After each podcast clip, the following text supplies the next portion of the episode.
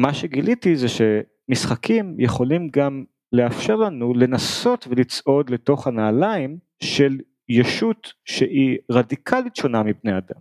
קנה מידה אחר, סדר גודל אחר של ישויות, להרגיש מה מרגש בלהיות תאגיד.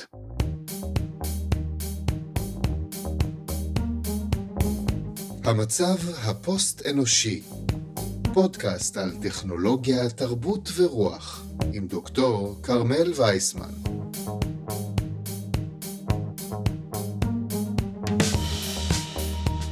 היי, אני כרמל וייסמן, ולפני שנתחיל אני שמחה לעדכן שהפודקאסט השני שלי, דינוזאוריות רשת, על ההיסטוריה של האינטרנט הישראלי, חוזר לעונה שנייה מרתקת החל מיום ראשון התשיעי ליולי.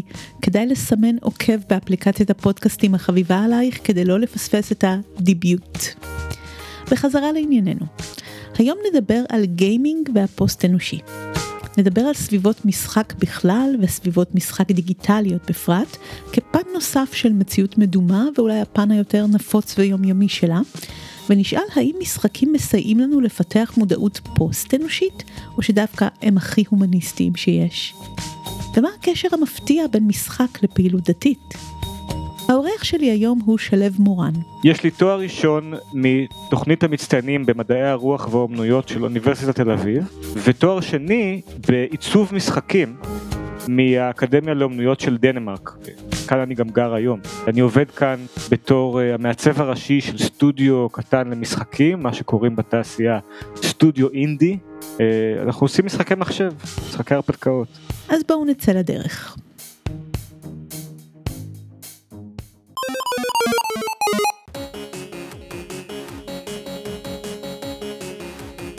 רבים לא יודעים את זה, אבל משחקי מחשב הוא מדיום שקדם בהרבה לאינטרנט. ההיסטוריה של משחקי מחשב מתחילה איפשהו בין שנות ה-50 לשנות ה-60, והיא מתחילה באקדמיה.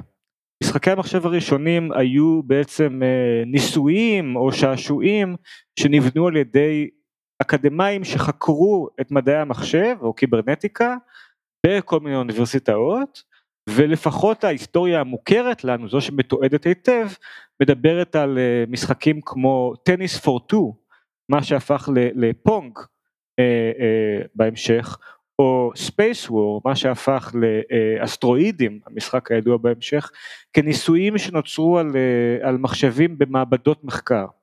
אבל משחקי המחשב המסחריים, אלה שהפכו לתופעה תרבותית גדולה ויוצאת דופן למה שלפעמים קוראים לו ה mass medium הבא אחרי הטלוויזיה, הם איתנו גם משנות ה-70 המוקדמות, כלומר הרבה לפני האינטרנט היו לנו ארקיידים ומכונות משחק שונות ואפילו הופעה שלהם בתרבות פופולרית כמו אה, הסרט טרון של דיסני שעסק במין מנהל ארקייד שנשאב לתוך עולם המשחקים ולא רק כתופעת שוליים אלא כתופעה תרבותית מסיבית. למעשה אה, משחקי וידאו אה, באולמות הארקייד היו אה, אולי משהו תרבותי אפילו יותר גדול בנגיד 70's 80's ממה שהם היו נגיד בשנות ה-90 כשהם אמנם נעשו לתעשייה יותר רווחית אבל גם נכנסה למרחב הביתי והפכה להיות יותר חנונית מין משהו כזה שגיקים עושים. וכמובן בשנות האלפיים פרצה חזרה בגדול אל המרכז של התרבות הפופולרית עם אה, הקונסולות הביתיות אה, כמו הפלייסטיישן והווי וכמובן עם המשחקים לסלולר שהיום כל אחד משחק. מה מייחד בעצם את המדיום של משחקים? אה, מה שמייחד משחקים מפעילויות אחרות גם כאומנות וגם כפעילות חברתית הם חוקים. חוקים זה איזשהו מצב פנומנולוגי שמבדיל משחק מפעילות אנושית רגילה. למעשה אפשר להגיד שמשחקים הם מציאות עם חוקים אחרים. וזה אה, מאפיין שהתחילו לאפיין אותו אה, בחקר המוקדם של משחקים. חוקרים כמו יוהאן הויזנחה בשנות ה-30 של המאה ה-20 וקלואה בשנות ה-60 של המאה ה-20 שאפיינו משחקים בתור סיטואציה שבה אנחנו מפרידים את עצמנו מהחיים, מפרידים את עצמנו משיקולים של תועלת או מוסר, כדי להתנסות באיזושהי פעילות חופשית. אפשר גם לחבר את זה כמובן לשיח של קאנט על אומנות, בתור איזשהו משחק חופשי של הנפש. אבל כאן מדובר על משהו הרבה יותר קונקרטי, אני מצייר לעצמי אה, קו בחול, מעגל הקסמים כמו שנהוג לקרוא לו כיום בחקר אה, משחקי מחשב, ואני אומר בתוך המעגל הזה החוקים הם אחרים ואני יכול לפעול בצורה אחרת בגלל זה. זה המאפיין העיקרי של משחקים עוד לפני העולם הדיגיטלי. ההגדרה הכי טובה ששמעתי על מה הם משחקים זה פעילות עודפת. כלומר, כמו שהשירה היא איזושהי כתיבה שיש בה עודפות מעבר להעברת המסר הישיר, ככה גם משחקים הם פעילות שיש בהם עודפות. אני עושה איזושהי פעולה שיש בה איזושהי גם הכבדה על עצמי, אני לוקח על עצמי אתגרים, מעבר למה שנדרש לי כדי לשרוד או לשגשג. המבט הזה על אה, משחקים דרך, דרך פעולה הוא אחד מהדברים המרכזיים שמגדירים אותם ושמחברים אותם למשל לתיאוריות של פרפורמנס אז מצד אחד חקר של פרפורמנס ארט ותיאטרון לפעמים מדבר עם חקר משחקים וגם החקר הסוציולוגי של פרפורמנס נגיד ריטואלים וטקסים מתקרב ומזין את התחום של חקר משחקים. אפרופו ריטואלים, אני רוצה כבר להעמיד כאן אנלוגיה חשובה שתשרת אותנו בהמשך הפרק. משחקים הם כמו דת. כן, דת. קודם כל, זה לא אני אמרתי את זה, זה הויזינחה עצמו, מי שכתב את התנ"ך של חקר המשחקים, הספר הומו לודנס, האדם המשחק. שם הוא הגדיר ותיאר את מאפייני הפעילות המשחקית בצורה שיכולה מאוד להתאים גם לדת. הרי גם המערכת האמונית המקודשת נפרדת מחיי היומיום, חיי החול, וגם לה יש חוקיות משלה. הוזינחה כתב, אין שום הבדל בין לסמן מרחב למטרה מקודשת, או לסמן אותו לשם משחק. מגרש הטניס, לוח השחמט והקלאס על המדרכה בלתי ניתנים להבחנה פורמלית מהמקדש או מעגל הקסמים. אבל האמת היא שהוויזינחה כתב בשנות החמישים, ולכן כיום גם משחקים וגם דתות לא באמת נפרדים לחלוטין מפעילויות אחרות, בייחוד לא מפעילות כלכלית. אדם עובד בימים של הוויזינחה היה עובד במפעל. העולם של היום הוא עולם שבו פנאי ועבודה לפעמים נראים פיזית מאוד מאוד דומה אה, ולכן אולי גם ההגדרות האלה אה, נדמות כאולי לא הכי מתאימות להיום אבל זה, זה לא שהן לא מתאימות זה שהן עברו איזשהו שיפט כשהעבודה שלנו וכשמה שאנחנו עושים נראה כל כך דומה לזמן הפנוי אז המשחקים דרך הדיגיטל והעבודה דרך הדיגיטל התקרבו זה לזה. משחקי המחשב של ימינו מופקים כמעט כמו קולנוע והם באמת מהווים השראה לסרטים ולסדרות. האלמנטים הנרטיביים שלהם חשובים מאוד אבל הם לא שונים בהרבה ממדיה אחרים במובן הזה. ההבדל הוא שבמשחק משחקים, לא צופים. ולכן גם המשמעות והאימפקט שלהם שונים במובן הזה דווקא. אחד הדברים שחקר משחקים, בעיקר משחקים דיגיטליים, מתמקד בהם, זה המחקר של אה, כיצד אה, חוקים מתפקדים.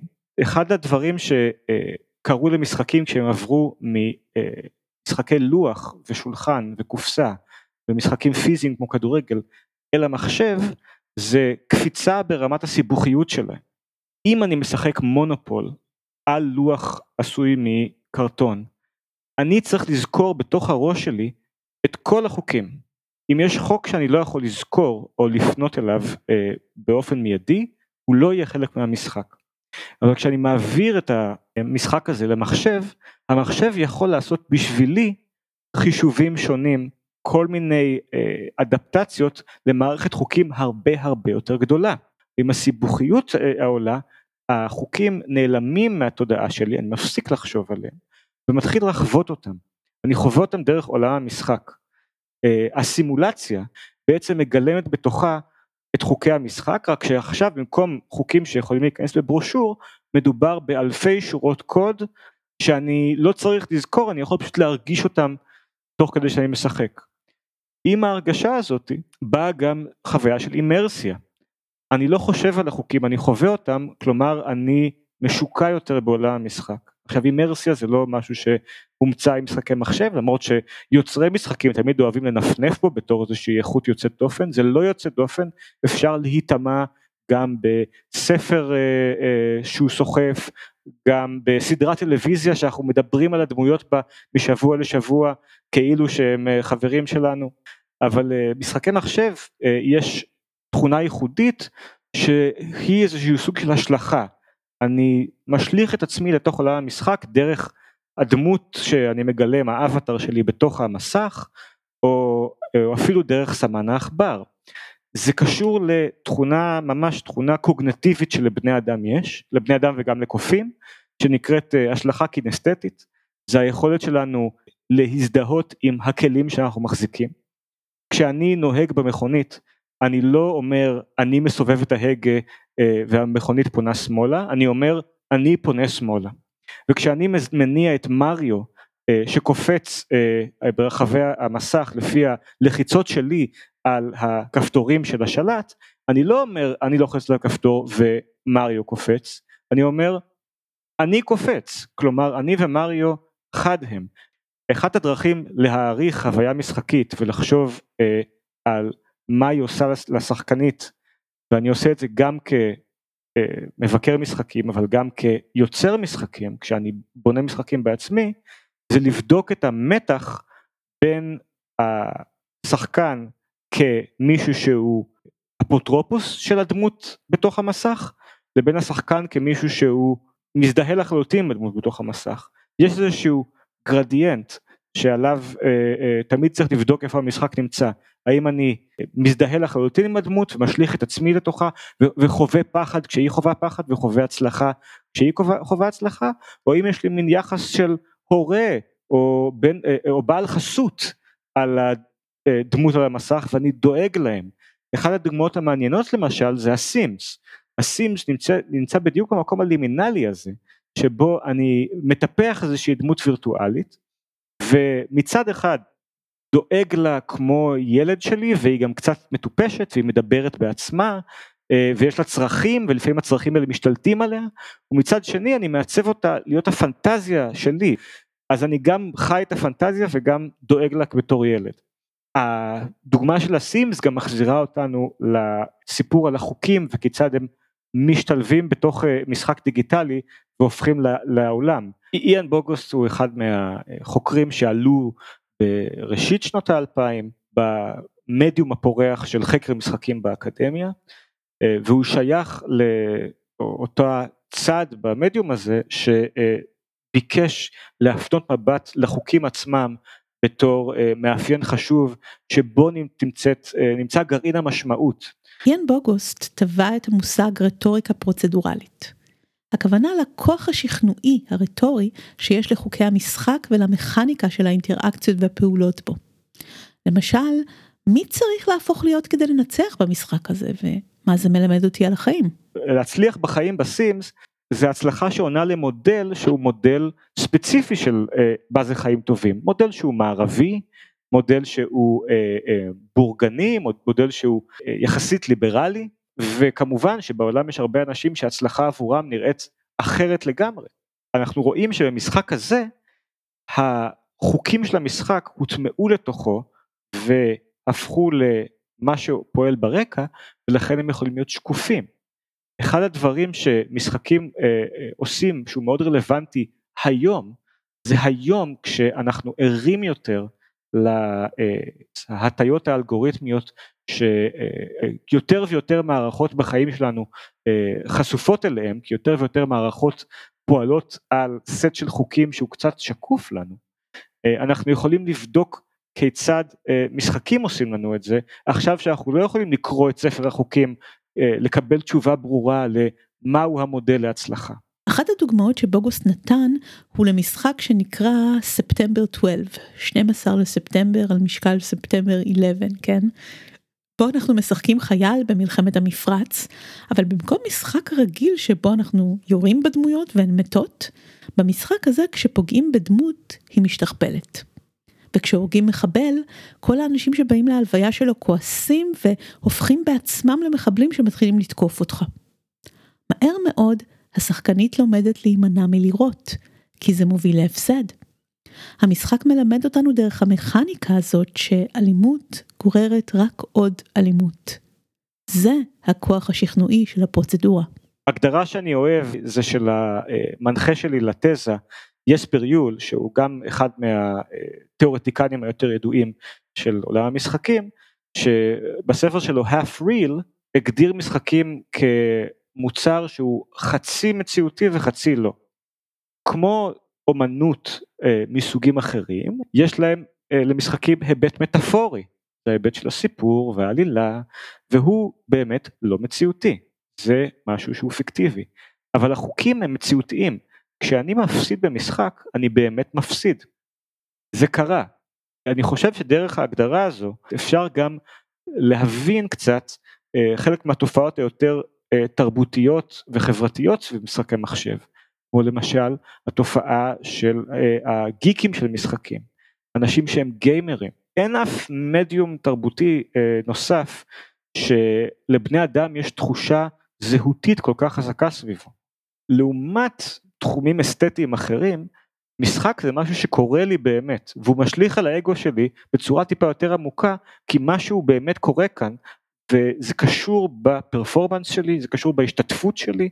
המדיום התרבותי הכי גדול של ה-20 שנה האחרונות הוא לגמרי זה.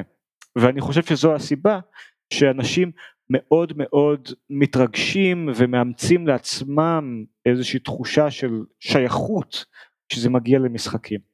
אז משחקי מחשב הם רק חצי מציאות מדומה. ועכשיו כשהתחממנו והכרנו את המדיום קצת, בואו נבדוק את הפן הפוסט אנושי שבו. אז ידעתי שאת תשאלי אותי את השאלה הזאת, כי אנחנו נמצאים בפודקאסט המצב הפוסט אנושי, ואני הולך להפתיע אותך קצת עם התשובה הראשונית שלי. התשובה שלי היא שמשחקים, גם משחקי מחשב ואולי אפילו יותר משחקי מחשב, לדעתי הם בבסיס שלהם משהו נורא הומניסטי. לא פוסט הומניסטי. אם אנחנו חוזרים לרעיון של המשחק החופשי, שהוא משהו שקאנט הביא בשיא הנאורות, ועל הרעיונות של אה, אה, הויזנחה או קלואה, על משחק בתור פעילות שבה האדם הוא חופשי מעכבות, חופשי מצרכים, חופשי מהכבלים הרגילים של החברה, מה שעומד מאחורי זה זו איזושהי תפיסה שיש בתוכי איזשהו גרעין מיוחד שיכול להשתחרר מהכבלים ולבטא את עצמו, כמובן דרך פעולות אסתטיות כמו אמנות או משחק, ושהפעולה הזאת, פליי, היא ביטוי לפתית שלג הייחודי שנמצא בפנים. ואני חושב שיש משהו מאוד מאוד הומניסטי בתפיסה הזו כשלעצמה. ההומו ספיאנס כונה גם הומו פאבר, שזה המילה ל maker בלטינית, האדם כמוגדר על פי הטכנולוגיה, או homo economicus, האדם כמוגדר על פי יחסים כלכליים, ואפילו homo religiosus, האדם כמוגדר על פי נטייתו לייצר דתות. כל הדברים האלה אמורים לייחד את האדם משאר היצורים. הויזינגה קרא לספר שלו Homo Ludens, האדם המשחק. זה בעיניו ייחודו של האדם ומה שמגדיר אותנו כאנושים. נכון, זה השם של הספר, הומו לודנס, שהוא יכול לבטא את העצמיות שלו כשהוא משתחרר מאיזשהו מצב חברתי ובנקודת מגע עם יצירת האומנות, או כשהוא צועד לתוך מעגל הקסמים של חוקים משחקיים, אז הוא בעצם מבטא את הדבר הטהור הזה שבפנים. והדבר הזה לא השתנה במעבר למשחקים דיגיטליים. להפך, משחקים דיגיטליים משחזרים שוב ושוב ושוב איזשהו אה, נרטיב או מטה נרטיב של גבורה. את כרמל, את היחידה שמשנה. כשאת משחקת, וזה לא משנה אם זה במשחק הרפתקאות שבו את יוצאת לחקור איזשהו דבר מסתורי, או אם זה בסים שבו את מגשימה את uh, מאווייך כ... Uh, אשת מקצוע במקצוע שהוא לא שלך ובונה משפחה וקונה לעצמך אה, בית צמוד קרקע שלעולם לא יהיה לאף אחד מאיתנו. כל המשחקים האלה או שאת אה, ראש עיר בסים סיטי ואת מנהלת את העיר זה לא משנה באיזה משחק כמעט תמיד את האישה החשובה ביותר בעולם של המשחק. את משנה האחרים גם אם הם יריבים שלך הם יריבים שנועדו להעצים אותך את צריכה להתגבר עליהם ואת תתגברי עליהם כי המשחק יאפשר לך ואת תתעלי. והמטה נרטיב הזה ששם את השחקנית במרכז במשחקי מחשב זה אפילו נהיה גדול יותר כי את, את יכולה לשחק לבד בעצם לשחק סוליטר ולבלות את זמנך בסביבה שבה כולם חוץ ממך הם רובוטים עבדים נרצעים שמשרתים את עלייתך לגדולה וזה לא משנה אם העלייה לגדולה היא דרך מאבק אלים או דרך מה, אה, כלכלה או משהו כזה, זה מאשרר ומאשר שאת מיוחדת, כי את בן אדם בעולם של רובוטים. האדם כשחקן מספר אחת. בדיוק, שחקן מספר אחת בקהילת שחקנים. שמונה אחד. נרטיב הגבורה זה משתחזר אפילו במשחקי מחשב ש... שמרובה שחקנים כמו World of Warcraft, אה, שבהם פשוט כולם גיבורים. אה, אני משחק עכשיו אה, בדיאבלו, as we speak. זה משחק שבו כולם מצילים את העולם, כל אחד לבדו. אבל רגע, האמנם משחק משחזר חוויה של האדם במרכז? או שהמרכזיות הזאת היא כל כך מרכזית שזה כבר לא סתם האדם אלא דווקא האל. אני האל בעולם של המשחק. ואז אנחנו שוב במרחב של פוסט אנושי. משחק הוא פעילות של בניית עולמות והשלטת סדר, פעולה של אל שפועל בעולם.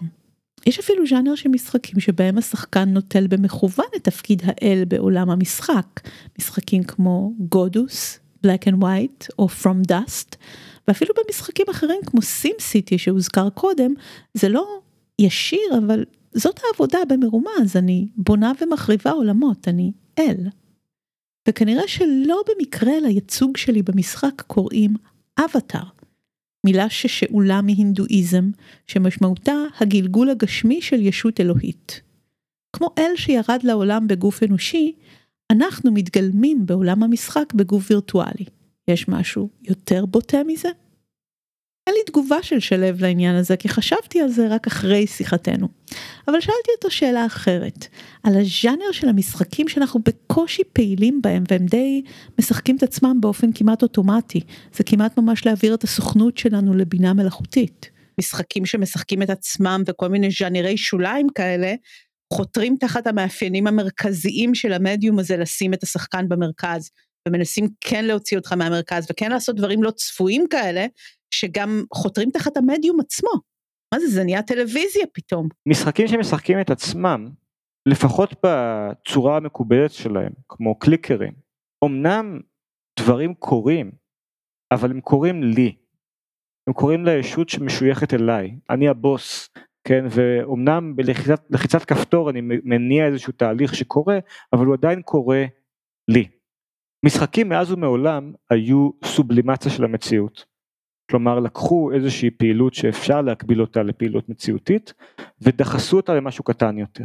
שחמט הוא סובלימציה של המלחמה הג'נטלמנית, אה, פנטזיה של אה, אה, כל מיני אצילים ומלכים לגבי מה זה מלחמה, ושחמט לוקח את הרעיון הזה של מלחמה ומרכז אותו ללוח שבו הכל די פשוט, אני מרים את אחת הדמויות, מניח אותה על משבצת אחרת והנה עשיתי מהלך במלחמה. כל המשחקים כולם לוקחים איזושהי פעילות אנושית ודוחסים אותה ומכווצים אותה לפחות חוקים מהאין סוף משתנים שנמצאים בעולם האמיתי, אה, לפחות פיקסלים מהרזולוציה האינסופית שאני רואה מסביבי, גם במחשב וגם מחוצה לו. ובמובן הזה משחקים תמיד לוקחים משהו מסובך ועושים אותו קל יותר. וזה חלק מהקסם שלהם, שאני יכול בלחיצת כפתור להרוויח אלף דולר, מיליון דולר, כן, אני יכול בלחיצת כפתור לכסח במכות את היריב שלי עם אגרופים, אה, עם שרירים שבחיים לא יהיו לי גם אם אני אתאמן עשר שנים, כי הדמות על המסך התאמנה כל החיים שלה. אז אני לא חושב שמשחקים אה, שפועלים בשבילי עושים משהו אחר, למעשה המשחקים האלה שמשחקים את עצמם הם סוג של uh, הקצה הלוגי, ההקצנה הכי הכי uh, גדולה של משחקים באופן כללי. כן? רק, רק תפעילי אותם והם, והם כבר יעשו את כל העבודה, זה בדיוק מה שמשחקים תמיד עשו. Uh, אז דווקא זה ז'אנר שנורא נורא מאשר את מה שקדם לו. אבל למרות כל מה ששלו אמר, יש גם לו אבל. והוא מציע לנו שתי צורות שבהן מתקיימת וניתן לקדם מודעות פוסט-הומניסטית במשחקי מחשב. משחקי המחשב האלה שנועדו לייצר תחושה של מיוחדות, הם גם משחקים שמלאים ברובוטים. בינות מלאכותיות שחובשות מסכות מאוד דומות למסכה שאני חובש. ויש כאן גרעין שלפי דעתי עוד לא עלה ולחלוטין פרח אבל עשוי לפרוח בעתיד, שבו אנחנו יכולים בעצם להתרגל לנוכחות של אה, רובוטים ושאר ישויות נקרא להם לא פחמניות בחיינו. אה, אנחנו עוד לא שם, אנחנו עוד לא קיבלנו איזשהו סוג של שוויון בינינו לבין הדמויות האלה וכל הסרטים המטופשים שיוצאים עכשיו בהוליווד שבהם דמויות אה, במשחקי מחשב מתעוררות ומנסות אה, ככה להיאבק על קיומן הם בעיקר סימן לזה שמשחקי מחשב זה משהו שמוכר הרבה ופחות אה, טענה רצינית אבל אנחנו כן יכולים להתחיל לתרגל דרך המשחקים האלה סוג של השתלבות בחברה שבה יש גם בני אדם וגם יצירי מחשב והם פועלים באופן דומה. אנחנו פוגשים את הישויות האלה באיזשהו מישור שבו אנחנו, אנחנו והם דומים. להיות עם אבטאר בתוך המחשב, להשליך את עצמי מבחינה חווייתית עליו, לפגוש אבטאר אחר שמיוצג על ידי המחשב עצמו, שם אותי באיזשהו מקום שבו אני והמחשב נפגשים עין לעין מה שנקרא. יש עוד דבר שמשחקי מחשב יכולים לעשות באספקט הפוסט אנושי. זה משהו שאני חושב שהתחלתי לחקור קצת בהשראתך. לפני עשור אני גם הייתי תלמיד שלך באוניברסיטת תל אביב ואני בזמנו הייתי עוצר תערוכות המשחקים של פסטיבל פרינסקרין והסתכלתי על איך משחקים יכולים לעזור לנו להזדהות עם האחר והאחר חשבתי יהיה אנשים מאתנוס אחר, ממצבים כלכליים אחרים, הצגתי איזה משחק שבו אפשר לגלם אדם שהוא חסר בית, אבל האחר יכול להיות גם אחר יותר רדיקלי. מה שגיליתי זה שמשחקים יכולים גם לאפשר לנו לנסות ולצעוד לתוך הנעליים של ישות שהיא רדיקלית שונה מבני אדם. למשל, במשחק שלטר, משחק שוודי מאוד יפה, אנחנו מגלמים גירית שהיא אם לכמה גורי גירית קטנים והיא מנסה להעביר אותם דרך מסע ביער. וזה משחק שעוסק באימהות או, הורות בעצם ודאגה לגורים שלך אבל הוא, זה לא אימהות או, או הורות כמו שאנחנו מכירים אותה מחברת בני האדם. היא הרבה יותר חייתית, היא הרבה יותר ראשונית, זה חוויה שגורמת לטיפ טיפה אי נוחות כי כשגור מת לך, גור מת לך וזה הרבה יותר פשוט למרות שזה דרמטי והגור הזה הוא הרבה פחות ספציפי ממה שאנחנו רגילים לייחס לגורי אנוש. במשחק שנקרא Mountain של דיוויד אוריילי אנחנו מגלמים הר ואנחנו עושים מה שהר עושה שזה להיות הר נכנסים לאיזושהי חוויה שכמובן כבני אדם נראית לנו אבסורדית והמשחק הוא משחק שהוא קצת מצחיק אבל יש בו גם משהו מאוד מאוד כן אנחנו אה, מנסים אה, להיות משהו מאוד מאוד שונה מאיתנו. בוגוסט אה, אחרי שהוא כתב כמה ספרים על משחקים הוא נכנס גם לפנומנולוגיה והוא כתב אה, ספר שנקרא How it's like to be a thing. הוא כתב אותו לפני שהמשחקים שתיארתי לך אה, יצאו לאוויר העולם אבל כנראה שהיה לו איזושהי תחושה איך החוויה שלו כפילוסוף משחקים מביאה אותו לפנומנולוגיה של דברים או alien phenomenology כי יש משהו במשחקים בגילום הזה ובהשלכה הקינסתטית שדיברתי עליה קודם שאנחנו יכולים לתרגל להשליך את עצמנו לתוך דבר שהוא מאוד מאוד רחוק מאנושי. בפרק הקודם מבחינה רעיונית, פרק 72 עם רותם בנט, סיפרתי על מחקרי המעבדה למציאות מורחבת בסטנפורד. באחד המחקרים שלהם הם נתנו לאנשים לחוות את עצמם כפרה שרואה בשלווה באחו ואחרי שאנשים התרגלו והתמסרו לחוויה במציאות מדומה פתאום מגיע אדם וגורר את הפרה הזאת לבית המטבחיים.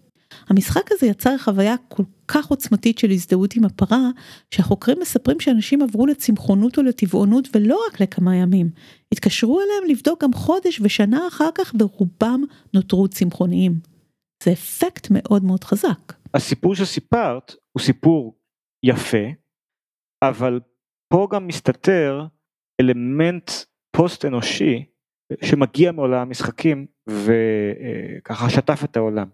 וזה הכוח השכנועי שלהם. עבורי לפחות במסלול האינטלקטואלי שלי אה, הספר של אה, אה, דניאל קיינמן Thinking Fast and Slow היה מאוד מאוד משמעותי בסוג של פקיחת עיניים פוסט אנושית לדרך שבה אנחנו יכולים להיות מתוכנתים בצורות שונות. אין פתית שלג שמוגן בתוך הראש שלנו מהשפעות חיצוניות.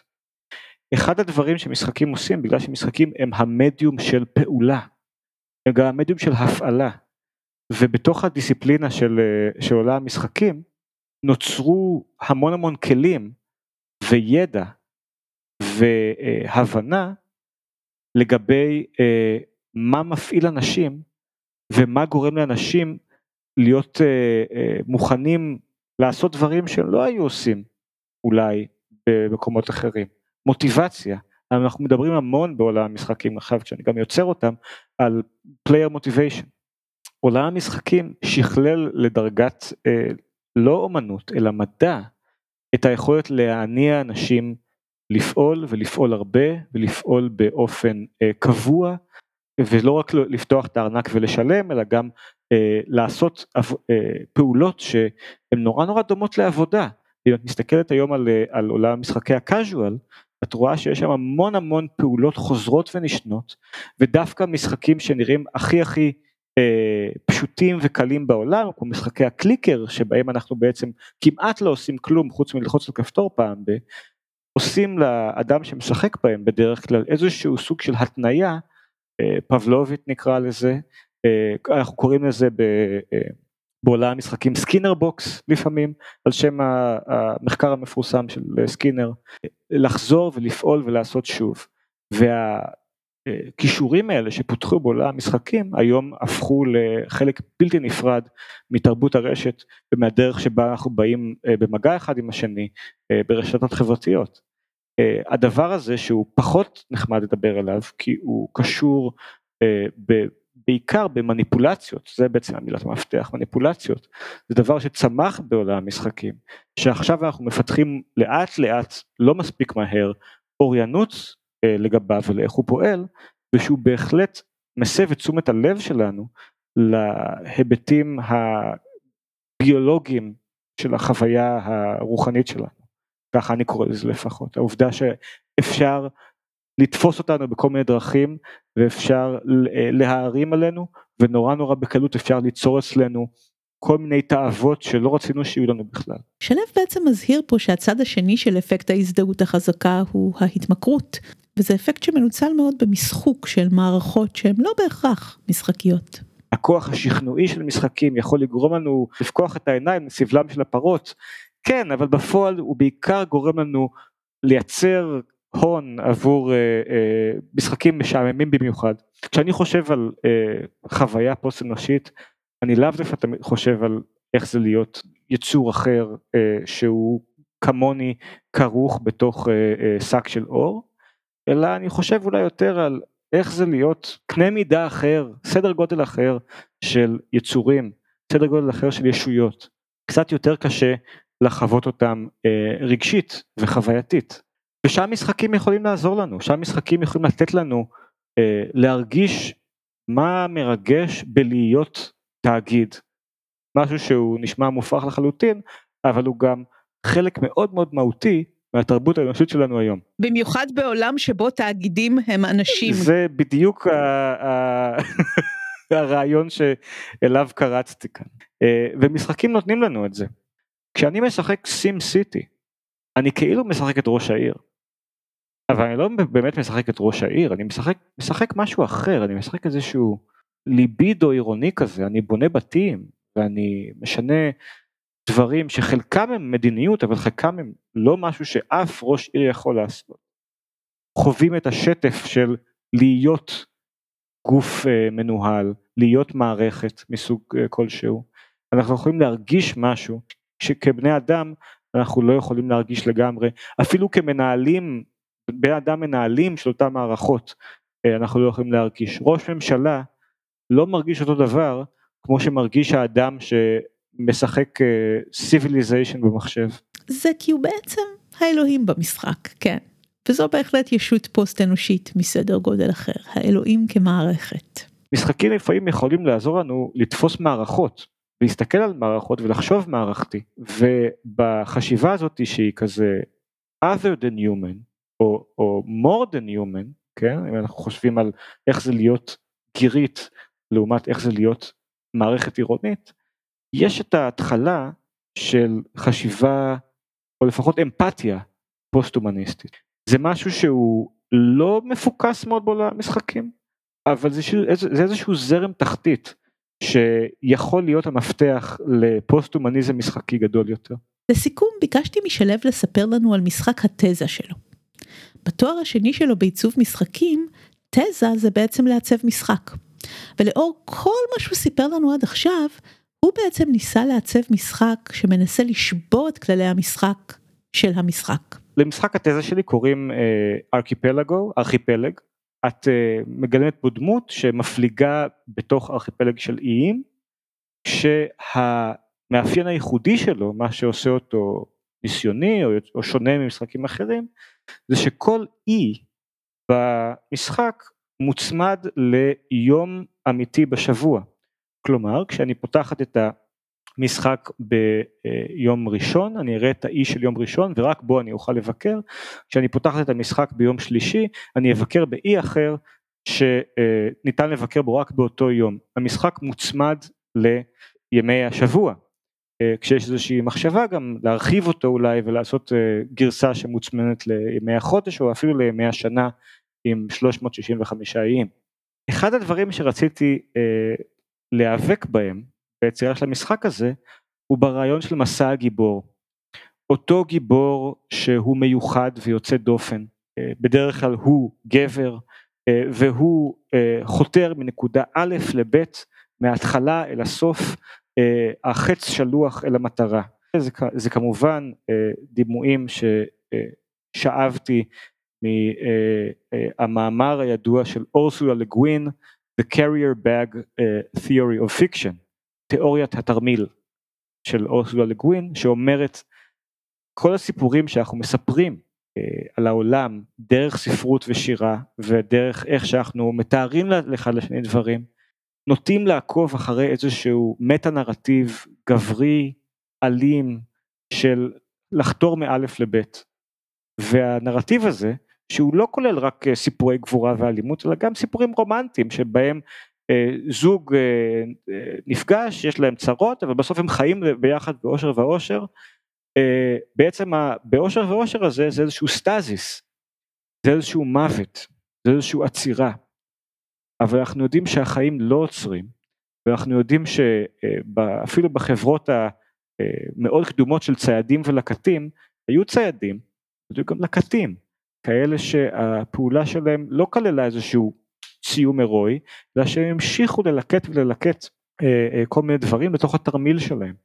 והיא בעצם הציעה איזשהו מודל חלופי לחשוב בו על סיפורים שהוא פחות הירואי ופחות הולך מאלף לבית.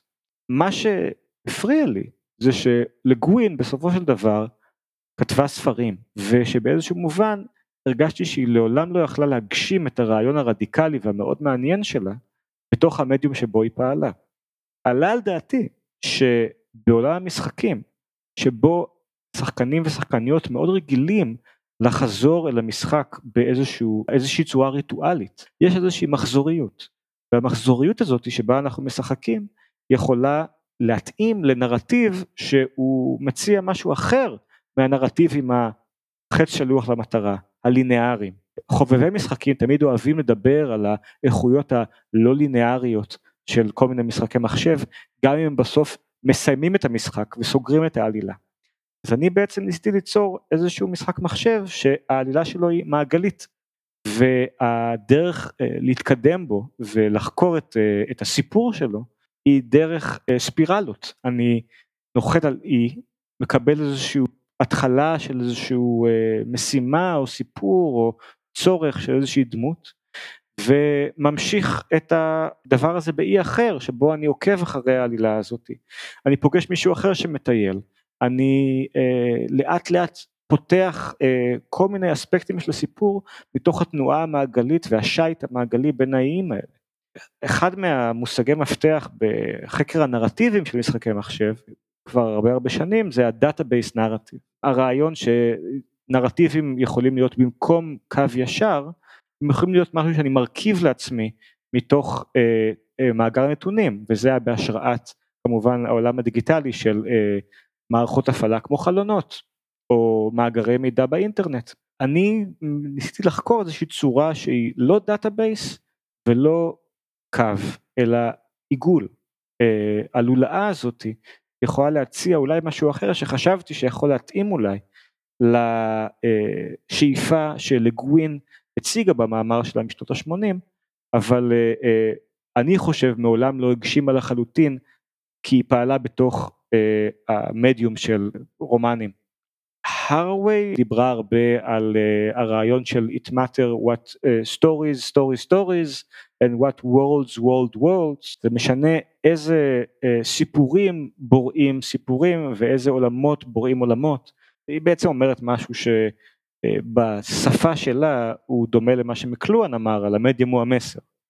וחשבתי שאם אני אוכל לתת צורה חדשה אני אוכל גם לתת לה מקום לאיזשהו נרטיב חדש, למשל נרטיב שבו אין פתרון. המשבר הגדול של תקופתנו, משבר האקלים, לא קורה ברגע מסוים, אין, לא תהיה איזושהי נקודה שבה תהיה אפוקליפסה. מצד שני הוא מביא לרצף יותר ויותר מהיר של שינויים.